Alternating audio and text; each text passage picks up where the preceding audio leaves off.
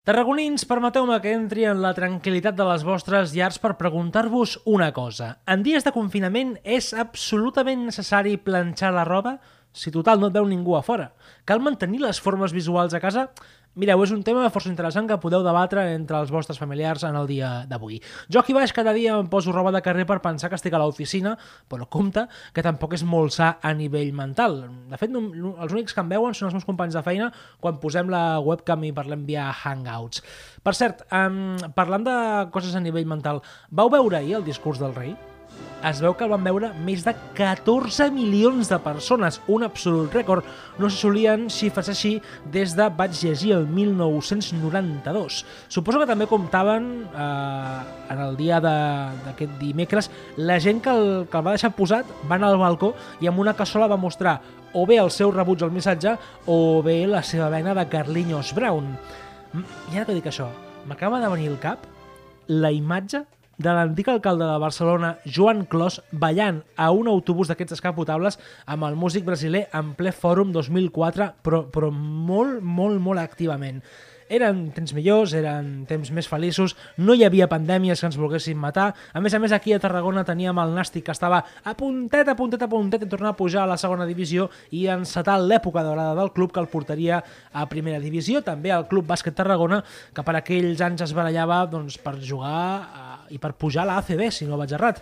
I entre tanta testosterona, avui una mica de seny i una mica de descans. Benvinguts al diari de confinament Dentro Intro.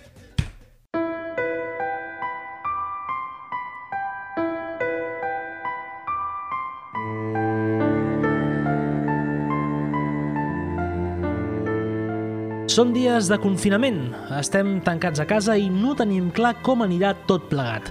El govern ens diu que ens quedem a casa, que és l'única forma d'acabar amb l'expansió d'aquest coronavirus.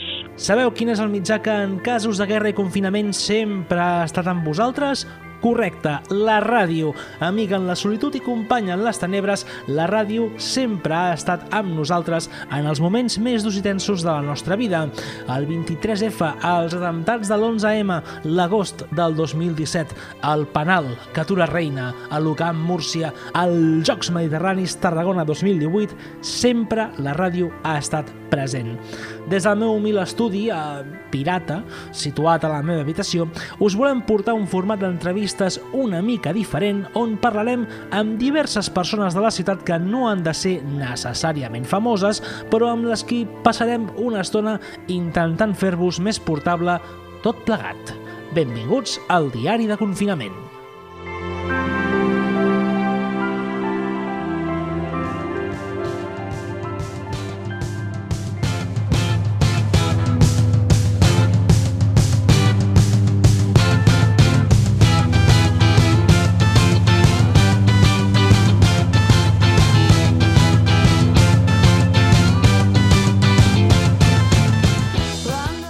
Per culpa de tot aquest follon que està passant als carrers, aquí a Ràdio Ciutat de Tarragona hem hagut d'aturar provisionalment les gravacions de Podcast City, la plataforma de podcasting d'aquesta casa. I ens fa mal, perquè, coi, estava anant molt bé i jo com a coordinador vaig haver de trencar el cor de molta gent dient «Ei, que ja s'acabó fins que sobrevisquem a tot plegat, tornarem, us ho puc ben assegurar. Però una cosa que ens torna bojos, els que hem organitzat tot això de Podcast City, també els participants, és la ràdio.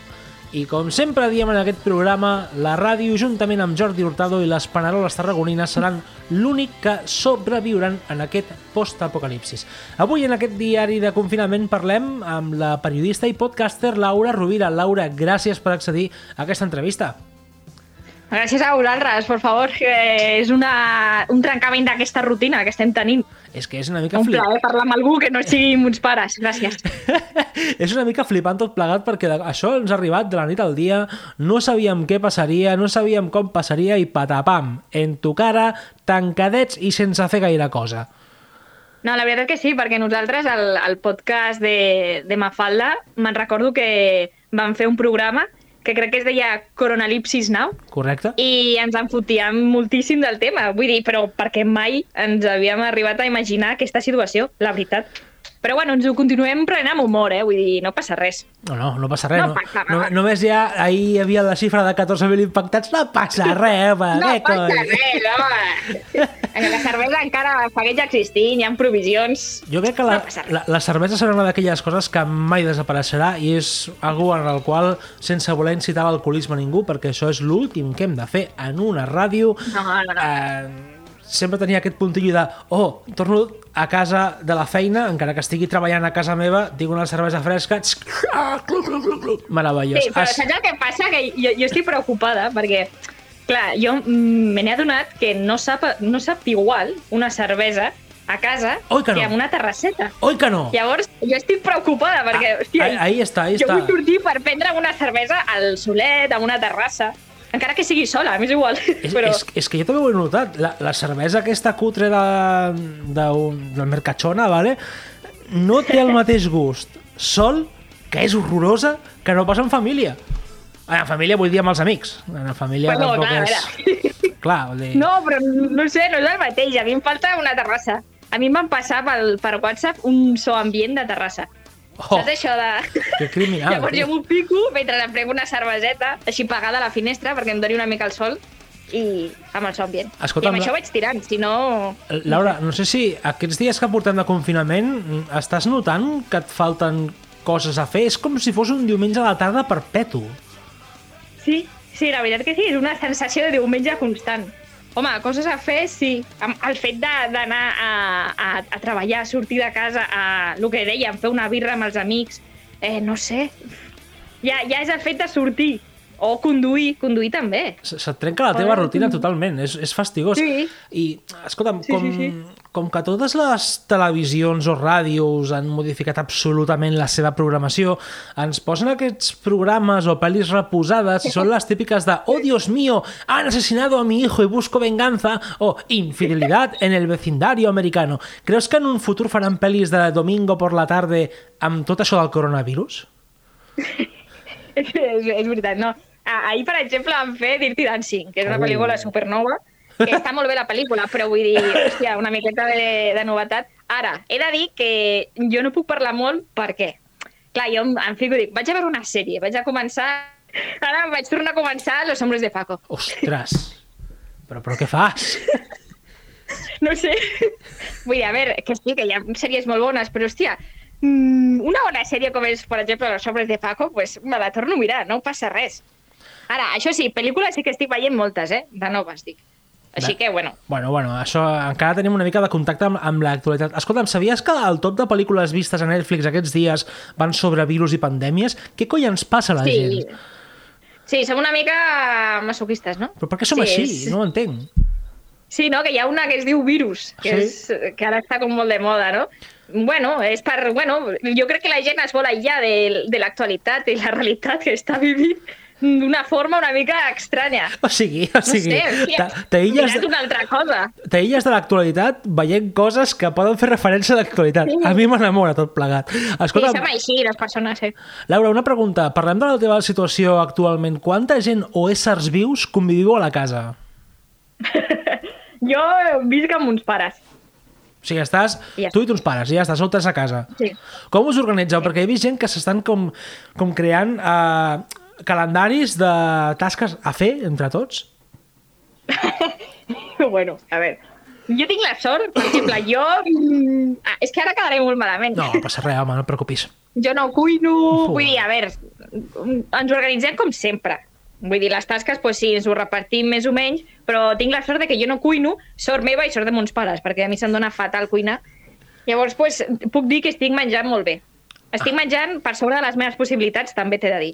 Vull Ja. dir, A, a, aquest és un tema que a molta gent li preocupa, perquè tu, clar, estàs tancada a casa, no surts, no fas esport, no fas res, creus No, que no, no. aca acabaràs... Això potser s'allarga, vaig llegir que un mes, fins i tot. Sí, sí. Podries ara acabar a casa confinada però perquè no pots sortir de casa? Perquè estàs tan Sí, crec que gorda sí, que, però, que no eh, pots. Seguríssim, vull dir, seguríssim. No, jo no tinc dubtes d'això. Que és així. Vull dir, perquè l'únic que faig és menjar. Llavors, mm, bueno, menjar i beure. Menjar, beure cervesa mm, i ja està. Doncs sí, jo crec que sí. Jo, a veure, no sé si fins al punt de no poder sortir, però eh, jo crec que la majoria sortirem amb uns quilets més. A casa teva. A casa teva impera el pijama perpetu o, o sou dels que us poseu roba de carrer per simular mentalment que teniu vida exterior? Perquè hi ha penya que, que ho fa i es veu que més enllà de les futures seqüeles mentals ni tan mal, eh? Vull dir... Jo he de dir que, bueno, ens fiquem roba, que no és pijama, però és més est- estil xandall. Llavors Eh, tampoc se esquijama. s'ho compta molt.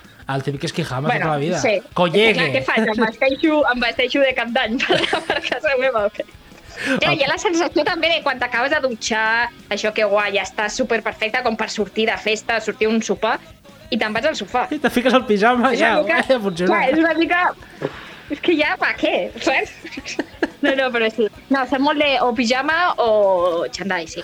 Vale, pa, uh, Laura, anem a lo que ens interessa. Creus que aquest virus és una estratagema dels poders mundials per tal de controlar la població i fer que la Xina sigui el nou poder dominant arreu de l'estat, trencant així l'hegemonia dels Estats Units i o el bloc occidental?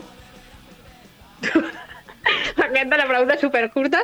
Eh, a ver, yo crec que ya, ya hay algo detrás, llámalo Dios, llámalo X. No, vull dir, hi ha una conspiració. Ara, no sé per part d'aquí. Hay dos bloques Nosaltres també, a, a Mafalda ho vam parlar, eh? creient que hi ha una conspiració, i no, he de dir que ma mare, que jo sempre li faig cas a ma mare, està completament segura que qui està darrere de tot això és Donald Trump. No sé per què, no ho sé per què, eh? però ella està segura. O sigui, li preguntes i t'ho diu amb una seguretat com si hagués parlat ella amb ell, no ho sé. Que sí, que sí, Però ella, que Que- Trump està de darrere. Es Donald Trump y los hijos de Mao. Seguro, seguro. Nos quieren infectar con, com a no, no, perdidos. però això ho diu des de fa temps, eh? Des d'abans d'aquesta situació ho diu, eh? I jo, bueno, Ojo, eh? bueno. Acabarem com a Lost, no sé si has vist Perdidos, que hi ha un moment en què tothom es fica una màscara i, i tothom mor, menys els que porten la màscara i fan com una nova societat. És, pos- potser la idea és aquesta. I això a mi no m'acaba de, de molar. O sigui, és com a molt sospitós. Una pandèmia mundial perfectament organitzada. Sí, és que és rar. És, ai, ai, ai, aquí huele... Hi ha algú, l'únic que jo no sé què. No, no ho sé si està Trump o qui hi ha darrere, però algú hi ha. Sí, bueno, segurament està Jordi Hurtado. Um, feia, feies un podcast, uh, feies, però esperem que el reprengueu, uh, Home, a Podcast estem City. esperant, estem... vam intentar anar a l'estudi, però no ens van deixar, quasi ens atenen, però És perquè que- nosaltres volíem fer Mafalda. No, no, anem a veure, fem, fem un, un, com es diu, un, un Ràdio Ciutat Podcast City Insight. A, a mi el meu jefe, el, Qui- el Quim Espinosa, em truca i em diu, escolta, per precaució, i vas dir tota la raó del món, senyor, aturem Podcast City, vale? i esperem que, que tot vagi bé. I aquell mateix dia, clar, jo envio el, a, els whatsapps a la gent més com que estava a punt Sí, de sí. venir, vale? I, i, i tothom em diu, ostres, sí, vale, gràcies per avisar i tal, i dic, alguna cosa m'estic deixant, alguna cosa m'estic Ja, ja, deixant, Mafalda. Obro a l'Instagram de Mafalda, que per cert les podeu seguir al seu Instagram, i, eh? i si ens deixen, doncs avui anirem a gravar a Podcast City i no, no, el virus no pot amb vosaltres. Clar, jo ràpidament trucant a la, a la Laura dient, Laura, que no, que esto no va a ir así. I, i al cap de 5 minuts, bueno, no, que al final el virus sí que ha pogut amb nosaltres. Bueno, doncs, rectifiquem, bueno, no passa res. és, és una d'aquelles No, sí històries glorioses de, de, de la ràdio. No, sí que és veritat, eh, estem intentant fer alguna cosa, o sigui, volem pujar més contingut a les xarxes a través de Mafalda, però no sabem què. Com, som una mica limitadetes amb això de les xarxes i estem intentant, doncs, a veure si podem fer alguna cosa. Per Ah. acompanyar la gent. Sí, no, està clar. Nosaltres també estem aquí agafant el que seria els podcasts antics, els tornem a publicar amb el hashtag jo em quedo a casa, tot molt bé. Escolta'm, Laura, no ens paren d'arribar notícies entre apocalíptiques i dramàtiques i, a més a més, catxondes aquests dies. Quina és la que més t'ha cridat l'atenció? Hòstia. Ah, doncs no ho sé. Però notícia vols dir notícia de veritat? Sí, sí, clar, clar. Per exemple, què fa la gent sortint al carrer vestida de, de, de dinosaure, amb el gos? Ah, bueno, sí, aquestes coses, sí. No, a mi, a mi em crida molt l'atenció que de sobte, mmm, aquí a Espanya, tothom té un veí que, que és Steve Aoki. Ara, no sé, però que tothom eh, té un talent increïble. I també he de dir una cosa, que no ho he dit. Jo realment sí que estic confinada, perquè jo visc a la Mura, que és una urbanització a les afores de, de Tarragona. I clar, aquí, si de normal no hi ha ningú, ara menys. Clar, no, Llavors, clar, això de quan surten al balcó a aplaudir, surto jo sola i m'acompanya l'eco. Igual que els cops de cassolada d'ahir, mm, jo aquí no m'entero de res. Llavors, eh, jo no tinc ningú veí Steve Aoki ni, ni res. Bueno, Però sí que és veritat que és curiós. El talent de la gent i tots els músics que han sortit de sobte pels balcons. Tu estàs propera a, a, a l'extinció humana, perquè ja realment al teu voltant no hi ha ningú i, i, i, i, això, del, de, i això dels supermercats assaltats te queda lejos. Sí, no, la veritat que sí, això és veritat també. És una, una, cosa... com, jo totalment estic callada, eh? Vam passar un dia a la Guàrdia Urbana amb això del megàfon de dir que no anéssim per la platja ni res. Va sortir va Però dir, ja està. vale, ok, de acuerdo, me he Ja, per, parlar amb, per parlar amb algú, eh? Simplement vaig contestar a la Guàrdia Urbana per parlar amb algú. No sé, perquè és que si no... No, no, sí és veritat que estem aquí bastant sols. Però bueno, Escolta'm, ara et faré un- una pregunta per anar tancant aquest bloc de, de l'entrevista. Uh, és una pregunta d'aquelles profundes. Crec que tu, més que ningú, perquè Ah, uau. formes part de Mafalda, pots uh, respondre-la. Estem a casa, molts doncs, o estan en parella o ja no només són gent jove, sinó evidentment famílies senceres, avis, àvies, en alguns casos estudiants, o el que coneixem despectivament com a boomers, no?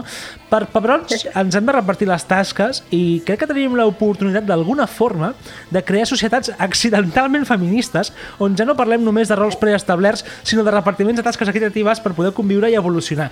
Creus que de tot aquest caos encara aprendrem alguna cosa? Eh, hòstia, pues desitjo que sí, la veritat. Però crec que som, com ho has dit abans, o sigui, som tan, tan tontos, per així dir-ho, que jo crec que inclús després de tot això continuarem cagant-la i continuarem, fent coses que, com per exemple el que comentaves, no? Eh, que per cert, si em deixes fer un incís una mica sí, sèrio, Sí, i tant, i tant. Em, clar, que hi ha una preocupació per, per la violència ma masclista, no? per gent que potser està tancada amb, amb una persona que li fa aquest tipus de, de violència, doncs que des d'aquí, que, que hi ha un munt de canals que des del govern també han obert un canal de la Generalitat, que no estan soles i que en, encara que estiguem en aquest cas de confinament, que, que sisplau, que, que tenen vies. Però, tornant a la teva pregunta, Arnau, jo crec que no, que no aprendrem mai i jo crec que acabarem d'alguna forma eh, amb un altre virus pitjor Bien. acabarem extingint-nos. Sí, sí, sí, perquè ens ho mereixem, perquè ens ho mereixem.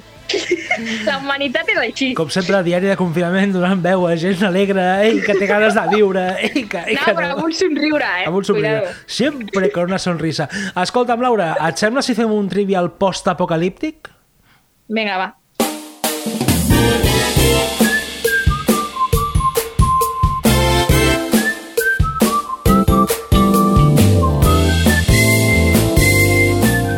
És de nit. Estàs al teu refugi i obres la nevera i descobreixes que no tens cap tipus d'aliment. Què fas? A. Agafes el teu equip de supervivència, surts al carrer i vas a la recerca de supermercats per assaltar-los i sobreviure uns dies més. B. Recordes que la veïna del costat fa uns estofats famosos tot el barri i decideixes fer-li una visita. O C.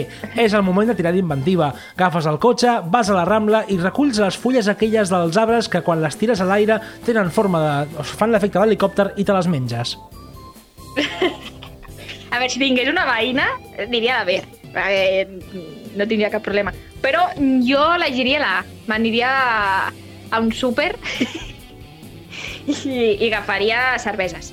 I ja està. Molt bé, has encertat perquè la B mm, és mala, perquè la iaia té una pistola del seu pare de la Primera Guerra Mundial i la fa servir contra Ah, tu. vale, que va, va amb trampa. Sí, va amb trampa.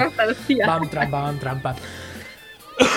Segona pregunta. Ding dong, truquen a la porta del teu refugi. Quin serà? Són un grup d'escolanets que canten cançons per fer més amena la situació de crisi que viurem un cop la humanitat s'hagi extingit per complet. Què fas? A. Obres la porta i els agraeixes la seva tasca sense cap mena de problema. B. No els obres la porta, podria ser una trampa. O C. Surts amb un fusell i els mates a tots. A banda de que no t'agraden els nens, no estem per músiques ni per bon humor. T'has convertit en una autèntica loca i valores més la solitud que no pas la companyia. Eh, jo crec que d'aquí uns dies, d'aquí uns dies et diria la C. Dóna'm uns dies només. Però ara mateix crec que encara puc aguantar i elegeixo la B. Correcte, la B, no els obres la porta, podria ser una trampa i de fet ho és. El que escoltaves era una gravació. Un cop obres la porta, te salten un grup de iaies, de 10 iaies, molt empipades i volen robar-te tot el que tinguis. Molt bé, molt bé. Escolta, ho, ho estàs portant molt bé. De moment, sí, dos de sí. Anem a, a per la tercera pregunta.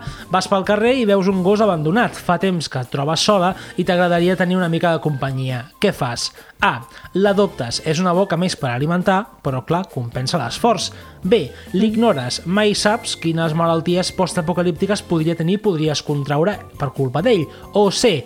L'adoptes i el que fas quan arribes a casa és posar-lo al forn perquè és aliment gratis. Ara... No, no, aquesta he d'elegir la A perquè sóc un amant dels animals i dels gossos i trobo faltar ara mateix un gos per treure la passejar. Així que la A, la A. Doncs molt bé, correcte, és la C, l'adoptes, clar que quan arribes a casa el poses al forn perquè és aliment de gratis. Ja, greu. però, hòstia. Sap Cuidado, que tot així. això va començar amb un ratpenat, eh? A veure si després sí. la liu jo i creo un altre virus. Sopa de ratpenat, viscoso però sabroso. Mare de Déu. Laura, has uh, dit correctament, has respost correctament 2 a 3, sobreviuries amb un 6,6 al postapocalipsis, molt bé. Ara, si et sembla, parlem de fer-nos unes recomanacions. Et sembla bé?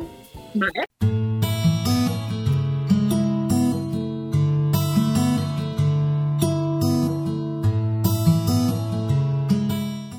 Una pel·lícula, Laura.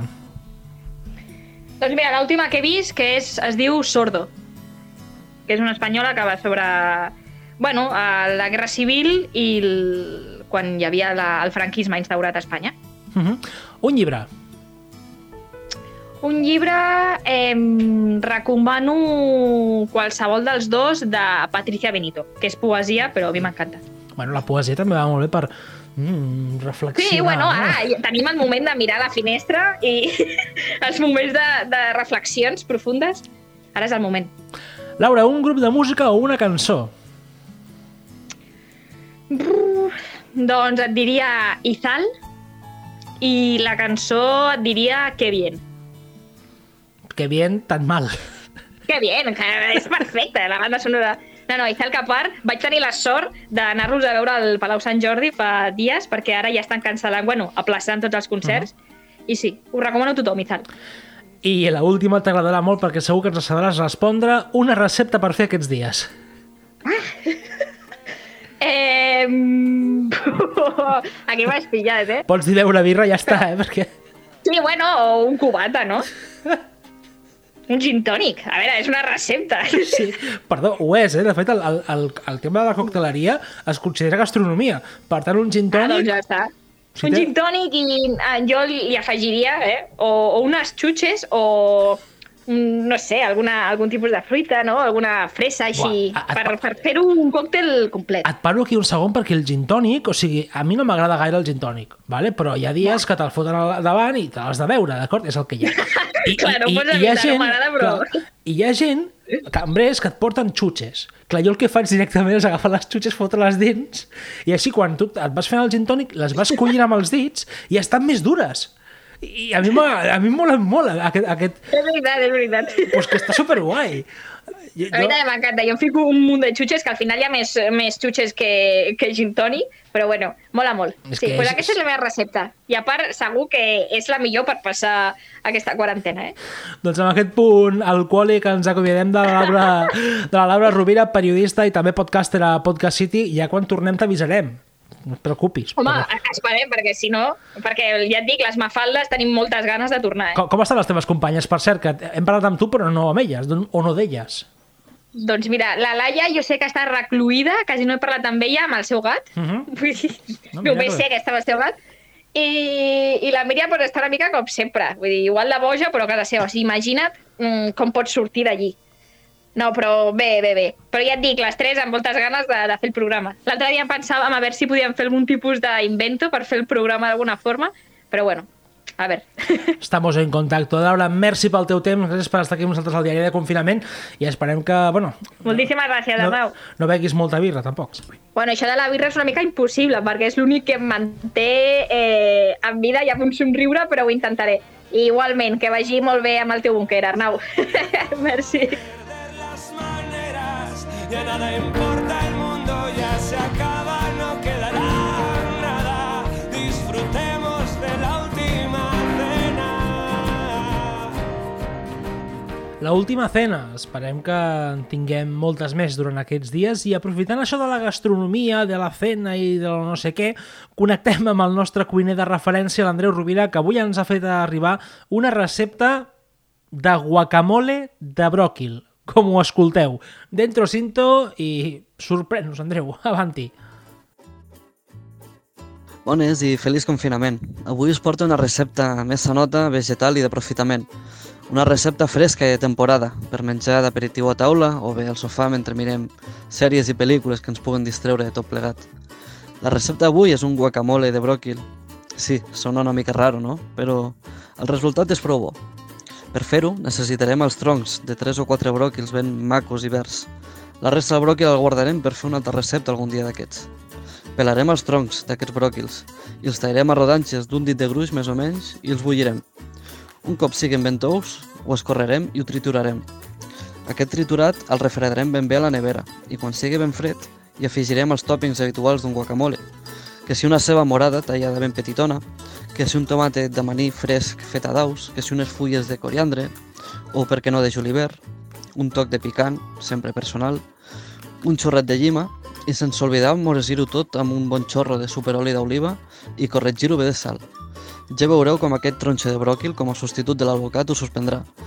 És dolç i té una suavitat molt particular. Ah, i és més barat i no s'oxida. Bon profit!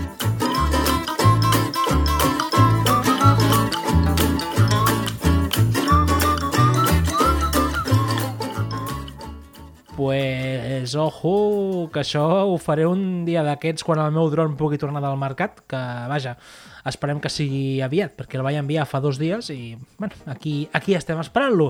En fi, nosaltres ja comencem a encarar aquesta recta final, bueno, nosaltres no, jo, jo que, que estic aquí en el meu búnquer. Però bueno, encarem aquesta recta final del programa i eh, abans, normalment us aconsello que us diré jo alguna pel·lícula, alguna sèrie, alguna activitat a fer, L'altre dia, eh, un company que, per cert, passarà per aquest programa, per al diari de confinament, el Xavi San Pietro, em comentava, escolta, fem un, un multijugador de Age of Empires 2. Clar, estem parlant d'un joc que, si no vaig errat, va sortir al mercat el 1999 i més de 20 anys després segueix havent gent que hi juga online, sola a casa, és un joc d'estratègia en temps real, medieval, xulíssim, que pots triar unes quantes civilitzacions i conquerir mm, el teu rival, eh, pots conquerir-lo de moltes maneres, matant el seu rei, eh, o, o sortint al balcó fent una cassolada, el pots eliminar absolutament del tot, pots eh, guanyar-lo creant una meravella, que és una un edifici únic de cada població i, vaja, pots guanyar també per relíquia. Si aconsegueixes uns quants trofeus repartits pels mapes i els tens a casa teva guardats sense res, doncs guanyes. És una mica com la gent que té quilos i quilos d'arròs o quilos i quilos o, o, o quilòmetres de rotllos de paper higiènic.